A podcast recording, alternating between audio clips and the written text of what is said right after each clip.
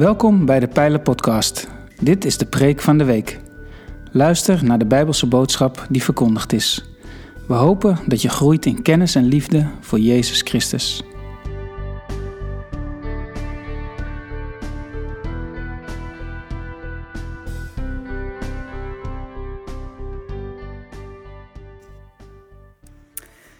Goedemorgen allemaal.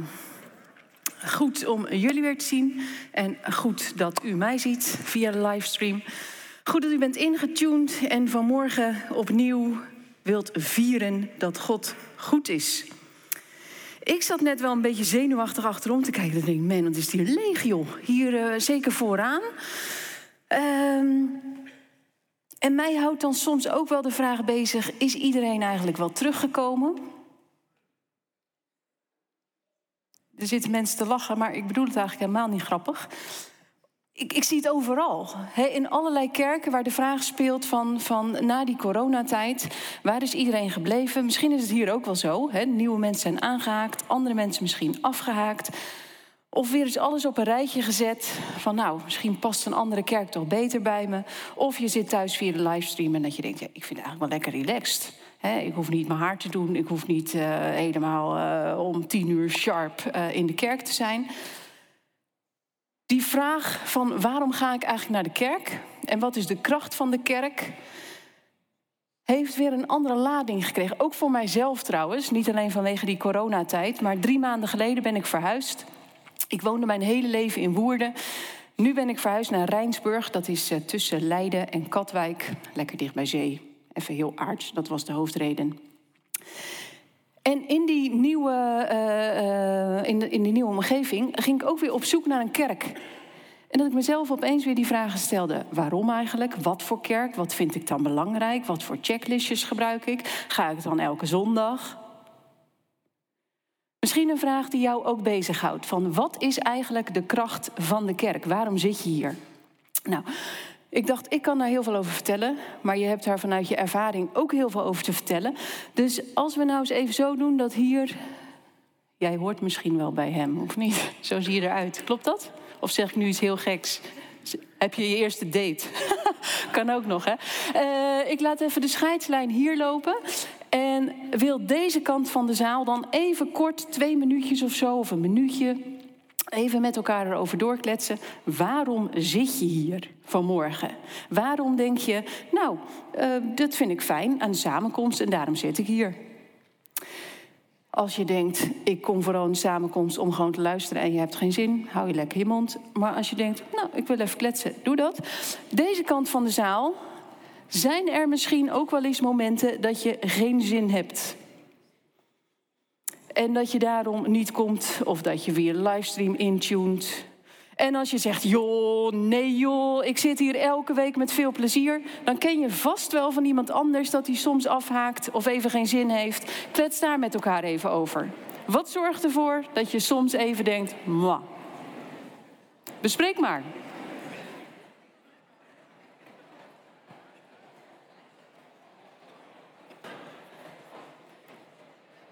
Je hebt er even over door kunnen kletsen. Die kant van de zaal heeft al meer bedacht, denk ik, want die konden niet wachten en gingen meteen los. Jullie hebben iets minder de tijd gehad, maar wie wil er iets noemen waardoor het je soms aan zin ontbreekt? Wat zeg je? Ja, je bent moe. Ja. Noem nog eens iets.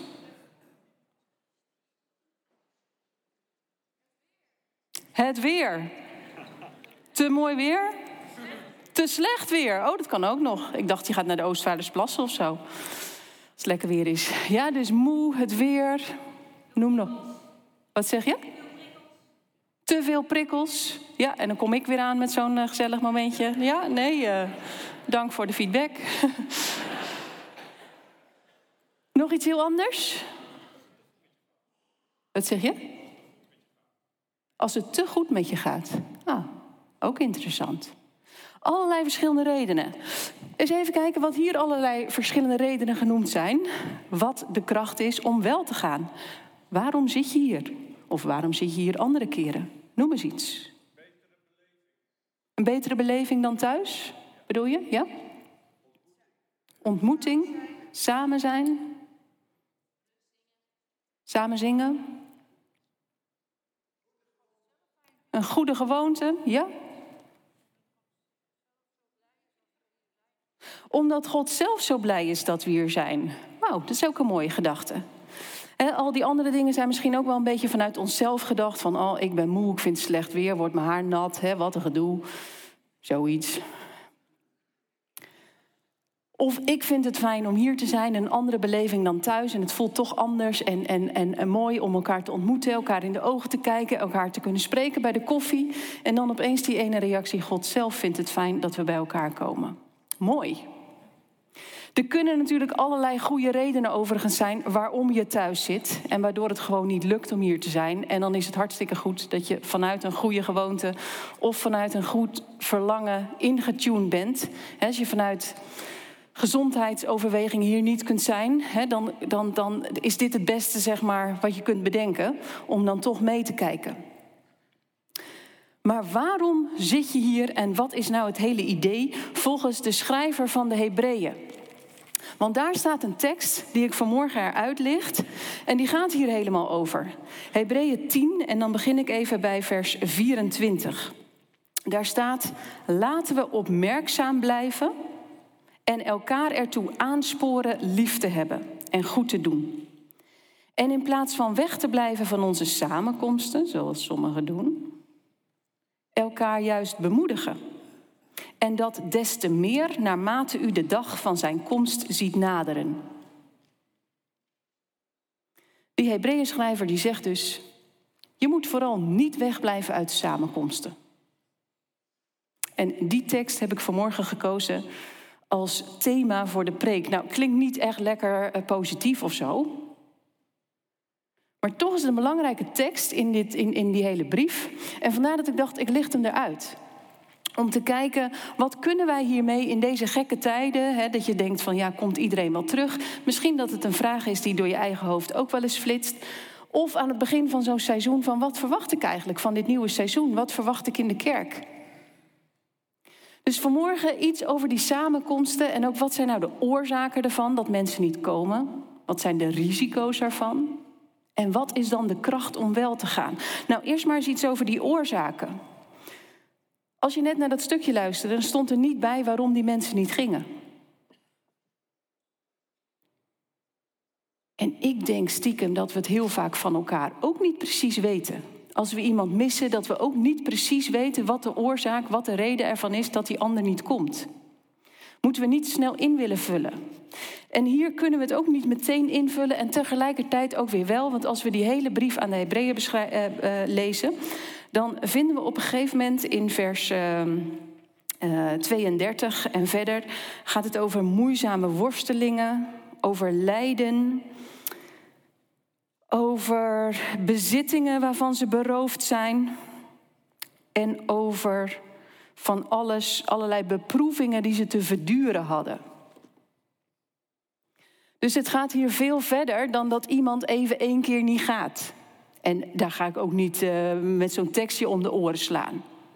Alhoewel dat soms ook wel weer gebeurt. Een vriendin van mij bijvoorbeeld, die stelt dan regelmatig aan haar man voor van... joh, zullen we een weekendje weggaan of zullen we een zondag weggaan... of even het weer, het is lekker weer. Zullen we dan zondagochtend al vertrekken? En dan zegt haar man stevast, schat, Hebreeën 10 vers 25... En dan heeft hij, zij echt zoiets van zucht. Jammer hoor, daar gaat mijn leuke zondag. Dat denkt ze niet helemaal, want ze vindt het ook fijn om naar de samenkomst te gaan. Maar dan kun je één zo'n vers eruit pakken hè, om elkaar om de oren te slaan. Maar ik denk dat het hier veel meer om een patroon gaat. Want dat is een van de mogelijke uitleggingen. Van het gaat niet om die ene zondag wel of niet skippen, die ene samenkomst.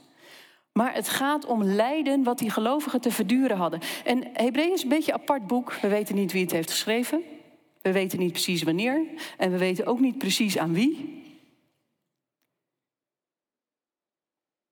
Maar waarschijnlijk aan Joodse gelovigen die lijden hadden te verduren omdat ze van het Jodendom overgegaan waren en christen waren geworden. En Jezus Christus wilde volgen, hebben gezegd, Jezus is de Messias die al was aangekondigd. Maar het heeft consequenties voor hen. Ze worden hierop gepakt door anderen en hebben te maken met beproevingen. En een van de mogelijke uitleggen is, ze vinden het gewoon te veel gedoe. Het kost gewoon te veel. Ze moeten er te veel voor over hebben. Het is te ingewikkeld, te zwaar. En ik vermoed dat dat voor jou en mij op een andere manier geldt. Niet zo zwaar als hier, maar misschien wel in lichte mate. Dat je soms ook denkt, ja, ik vind eigenlijk ook gewoon een beetje gedoe. En om elke keer aan mijn collega's of elke keer aan mijn klasgenoten te vertellen dat ik Jezus volg en er hoort dan van alles bij. Gaan ze allemaal ingewikkelde vragen stellen. Het kost gewoon soms te veel energie. Het is eigenlijk makkelijker om dan even niet te gaan. Of uiteindelijk, het is makkelijker om nooit meer te gaan. Want het leven ziet er soms een beetje makkelijker uit als je niet al die discussies aan hoeft te gaan. En zo zou het hier ook geweest kunnen zijn. Dat mensen afhaken en denken: het is gewoon makkelijker om ons oude leventje op te pakken. Andere mogelijke verklaring is, wij denken misschien snel bij die samenkomsten. Hè, je kunt ook nog denken van, nou, ik zit hier maar mooi. Nou, is goed dat ze de mensen die de livestream ook even aanspreekt. Maar ja, de echte mensen die het nodig hebben, zitten niet eens naar de livestream te kijken. En dat je denkt van ja, het gaat hier om die zondagochtend. Kun je lekker op je, op je rode bioscoopstoel eh, lekker onderuitgezakt eh, zitten en luisteren naar een goede preek. Hoop je. En je kunt lekker meezingen met elkaar. En, en alsof dit dan die onderlinge samenkomst is. En dat is het natuurlijk ook. En dat is he, mooi dat je dat zei, een rustpunt in de week. Maar de vraag is even of dat voor die Hebreeën mensen ook zo gold.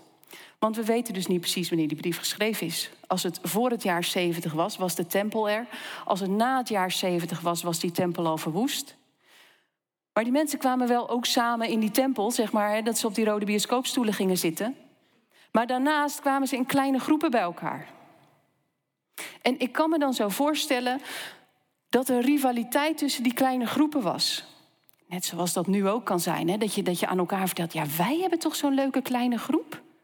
Echt joh, het was pas iemand verhuisd en dan gingen we met elkaar helpen. En in ons groepje, ja, er is ook iemand die heeft een burn-out. En dan gaan we om de beurt gaan we daar naartoe, zodat die, die, het is een moeder van een jong gezin, kan zij lekker slapen. En dan gaan wij om de beurt gaan we daar koken, met de kinderen eten. Echt super fijn zo'n kleine groep. En we delen heel veel in het geloof. En, en, en, en uh, ja, we kunnen elkaar bemoedigen, met elkaar bidden. En dat een ander denkt, nou, ik weet niet meer wat voor kleine groep jij zit dat van mij, ik heb er al zo gruwelijk veel energie in moeten stoppen. Het klikt gewoon niet, het blijft oppervlakkig, ik vind het niet eens gezellig. Ik ben een beetje klaar mee. Ik kap ermee, ik ga niet meer. En misschien was dat hier ook wel. Dat in al die kleine groepen, de, bij de een was het leuker dan bij de ander. En dat mensen zeiden, ja, ik ga gewoon niet meer naar mijn kleine groep. En daar zegt die Hebreeën schrijver dus uiteindelijk iets van. En zo kunnen er voor jou en voor, voor, voor ons allerlei redenen zijn waardoor je soms ook denkt, ik ga niet meer. Of als je denkt aan anderen. Het zou maar zo kunnen dat anderen niet meer komen door wat jij en wat ik tegen hen hebben gezegd. Dat ze deuken hebben opgelopen door de kerk. En de kerk, dat zijn wij. En toch zegt die Hebreeën schrijver dan, waak daarvoor, want er zitten risico's aan. Want het eindigt dan ook ja, des te meer naarmate u de dag van zijn komst ziet naderen. Dus hier is hij super serieus. Ik zou nog geneigd zijn om te kunnen denken van ja, nee, maar ik snap het ook wel hoor, tuurlijk. En ja, ik snap ook wel dat je in je eentje, nou ja, dat als je maar goede boeken leest en podcast luistert, kun je ook je geloof nog wel ja, levend houden. Maar hier is die Hebreeën schrijver zo van ja, maar wacht eventjes, de, de dag van de Heer die komt. Gaat zomaar niet. En als je doorleest, dan staat er zelfs in vers 31 Huiveringwekkend is het om te vallen in de handen van de levende God.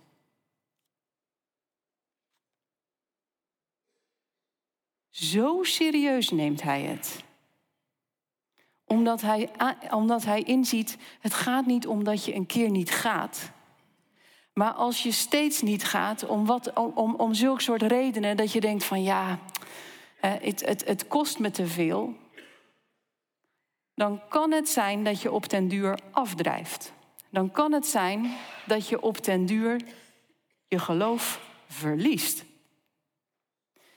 En daar is die Hebreeën schrijver de hele brief mee bezig. Om te zeggen, hou nou vol, Hou nou vast, alsof het een uitwerking is van Matthäus 28, waar jullie een paar weken geleden een preek over hebben gehoord. Dat Jezus zegt dat Hij met ons is tot aan het einde van de wereld en dat we mogen vasthouden wat Hij aan ons gegeven heeft en dat mogen doorgeven. En simpelweg is dat in je eentje wel super complex en ingewikkeld en hebben we elkaar daarvoor nodig? En zegt die Hebreeën schrijver, zoek elkaar nou op, hou nou vol, hou nou vast. Want het kan zomaar zijn dat je anders je geloof verliest en dat je valt in de handen van de huiveringwekkende God. Dat is me nogal een waarschuwing. En als je dat hele boek zou lezen, dan zie je dat dit niet de enige waarschuwing is. Elke keer komt hij met waarschuwingen aan. En als je een keer een totaalplaatje van Hebreeën wilt, kijk dan eens naar een filmpje van uh, de, de Bible Project. Waarschijnlijk wordt er even een plaatje getoond. Ja, daar is die. De Bible Project. Um, Beam, die heeft ook een aantal van die filmpjes vertaald. En dan krijg je zomaar in zeven minuten of zo een totaal overzichtje van zo'n boek. Echt superhandig, vind ik. Dus als je denkt, hé, hey, dat, dat helpt mij, bekijk dan eens stukken filmpjes. En nu, ik snap ook wel dat je het van een afstand niet ziet, maar dan zie je die hele grote lijnen. En dan zie je ook dat daar verschillende waarschuwingen in staan. Hij mag wel weer weg hoor. Kijken we hem thuis verder. Verschillende waarschuwingen. Maar wel steeds ook met een uitnodiging. Er is altijd een weg terug en kom nou bij God. Want als je die hele brief zou lezen, dan zie je dat het geschreven is aan mensen die heel veel wisten van het Jodendom.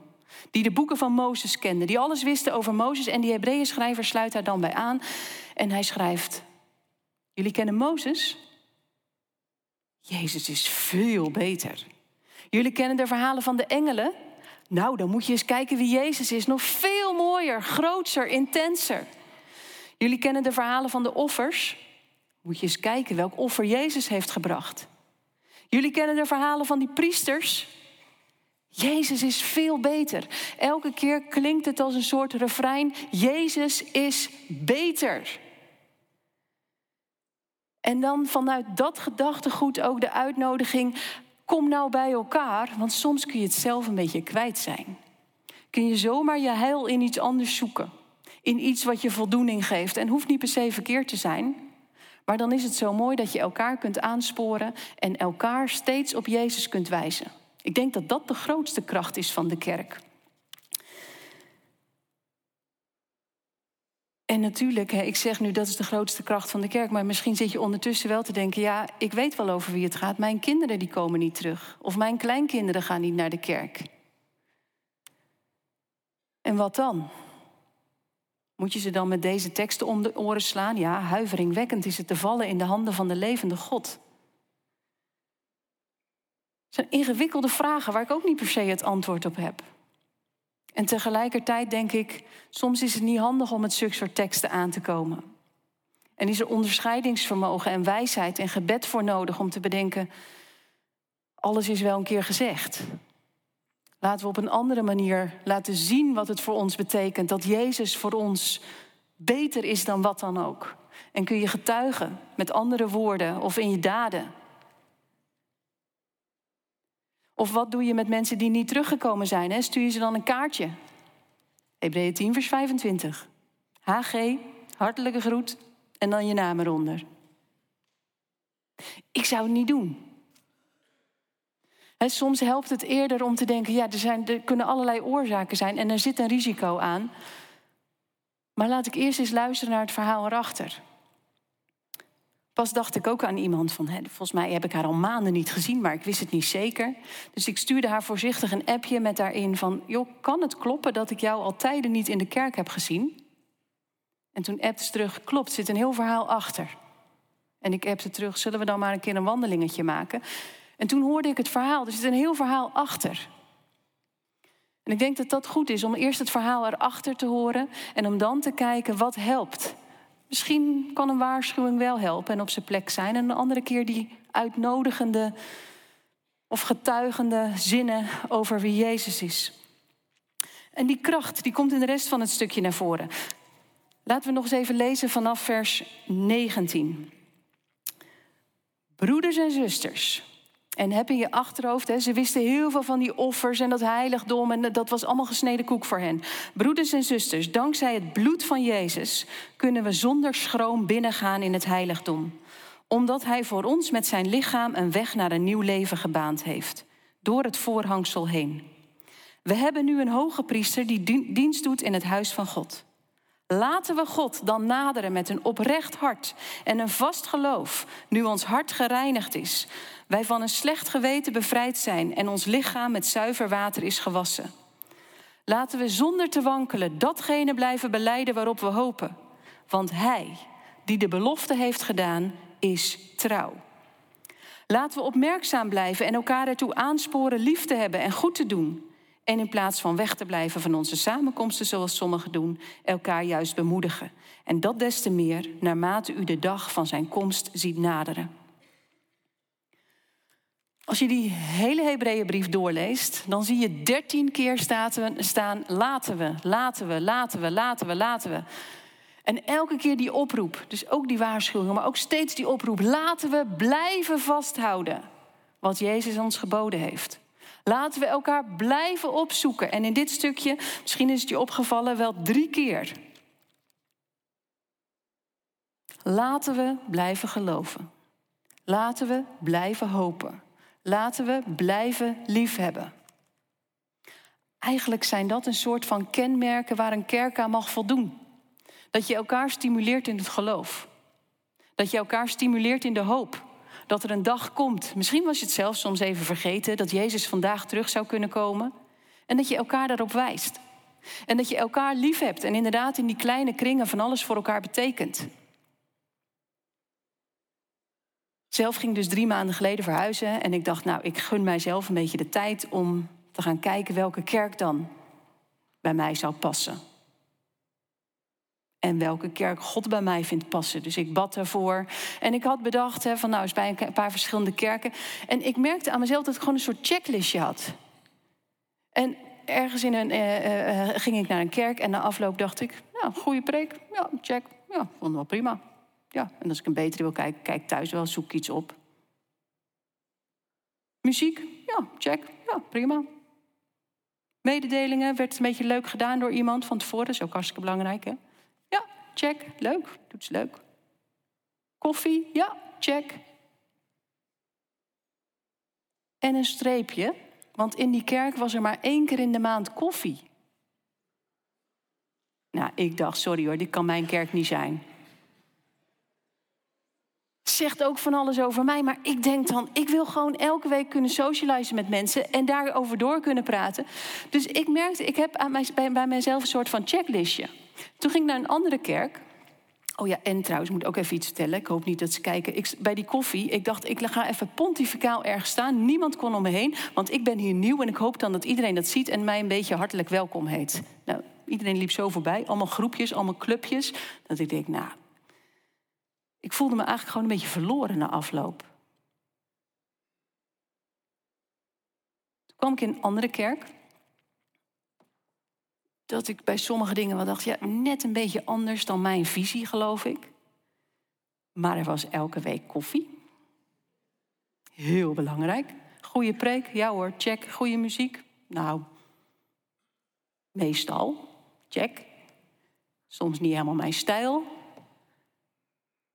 Maar wat uiteindelijk de doorslag gaf, was het goed doen voor elkaar en dat liefhebben. Er bood iemand aan van, eh, joh, uh, gaat het met verhuizen? Ik zei, nou, ik zit er eigenlijk nog een beetje doorheen. Wat moet er dan gebeuren? Ja, moet nog behangen worden. Oh, nou, kan ik wel doen. Nou, je snapt dat ik daar inmiddels lid ben geworden natuurlijk.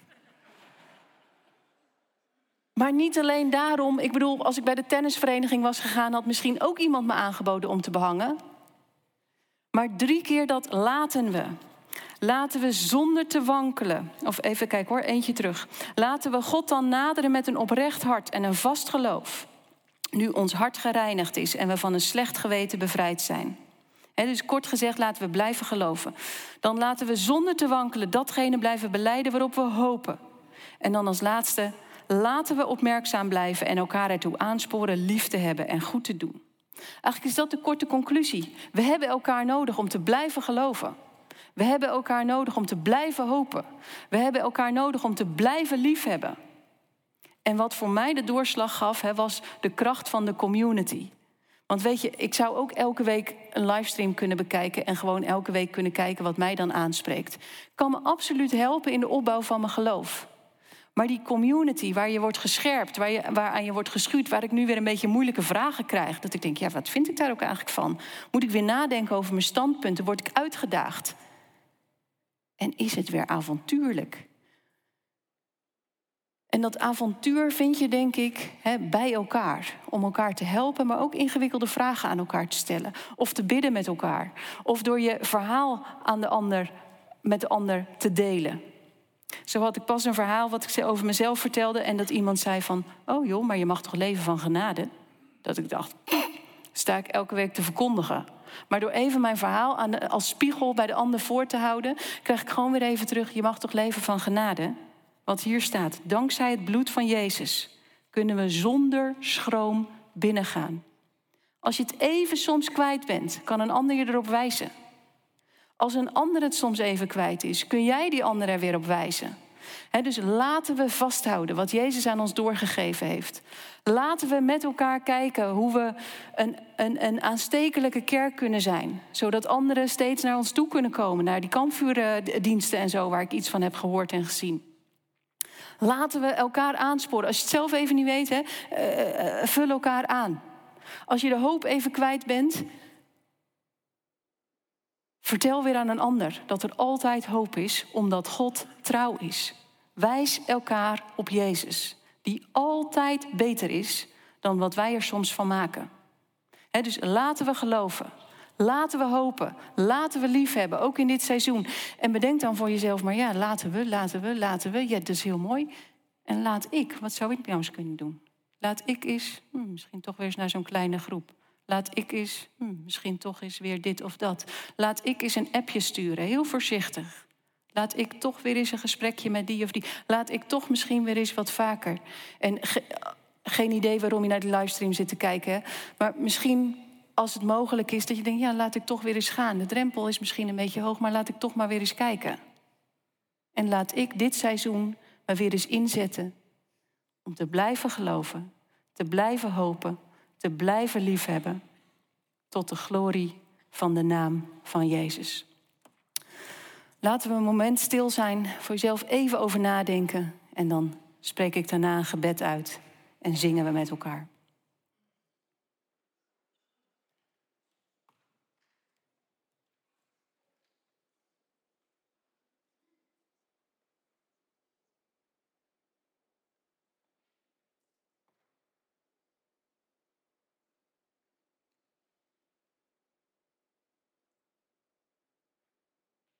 Heer Jezus, dank u wel dat u beter bent dan Mozes, beter dan de engelen, beter dan de priesters, beter dan de offers. En tegelijkertijd, als we dat zo zeggen, om heel eerlijk te zijn, zegt ons dat ook weer niet alles. Dat zei die, die, die lezers heel veel. Maar als we het voor onszelf invullen, dat alles wat voor ons belangrijk is, om dan te bedenken, u bent veel mooier dan dat, veel beter dan dat. En u bent degene die echte voldoening aan ons leven kunt geven. En dat vieren we hier elke week. En elke keer als we het even kwijt zijn, dan worden we er hieraan herinnerd. Door wat we horen, door wat we meemaken, door wat we beleven. En mogen we dit weer zien als een rustpunt in de week. Heer, we bidden dat dit een plek is waar we ons thuis mogen voelen, waar we ons welkom voelen, waar we ons gezien voelen. En laat dit ook een plek zijn waarin we de ander steeds welkom heten, de ander steeds zien, de ander toeknikken, de ander naar de ander zwaaien, bij de ander hulp aanbieden. Heer, want we kunnen zo makkelijk naar de ander kijken en daar onze ideeën over hebben. Maar de kerk, dat zijn wij. Dat ben ik. Heer, help ieder van ons om ons steentje bij te dragen en om elkaar vast te houden. Om met elkaar te blijven geloven. Om niet af te dwalen, om niet af te drijven maar om elkaar steeds te wijzen op U. Heer, dank u dat we ook vanmorgen weer mogen horen dat we zonder schroom bij U binnen mogen komen. Dankzij het werk van Jezus Christus. Dat mogen we zo ook vieren in het avondmaal. Daar mogen we over zingen. Dat U degene bent op wie we ons leven mogen bouwen. Dank u wel voor wie u bent. Dank u voor uw trouw. Halleluja. Amen.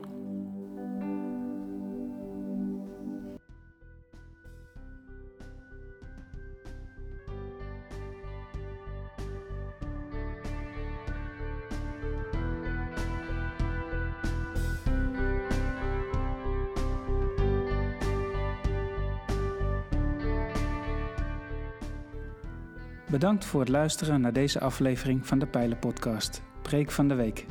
Heb je vragen naar aanleiding van deze preek? Stel ze. Dat kan via een e-mail naar onderwijs.pijler.nl. We helpen je graag verder in je groei als leerling van Jezus Christus. Abonneer je op deze podcast, zodat je altijd op de hoogte blijft van het onderwijs uit de Pijler. Goede week gewenst, ga in vrede, want God is nabij.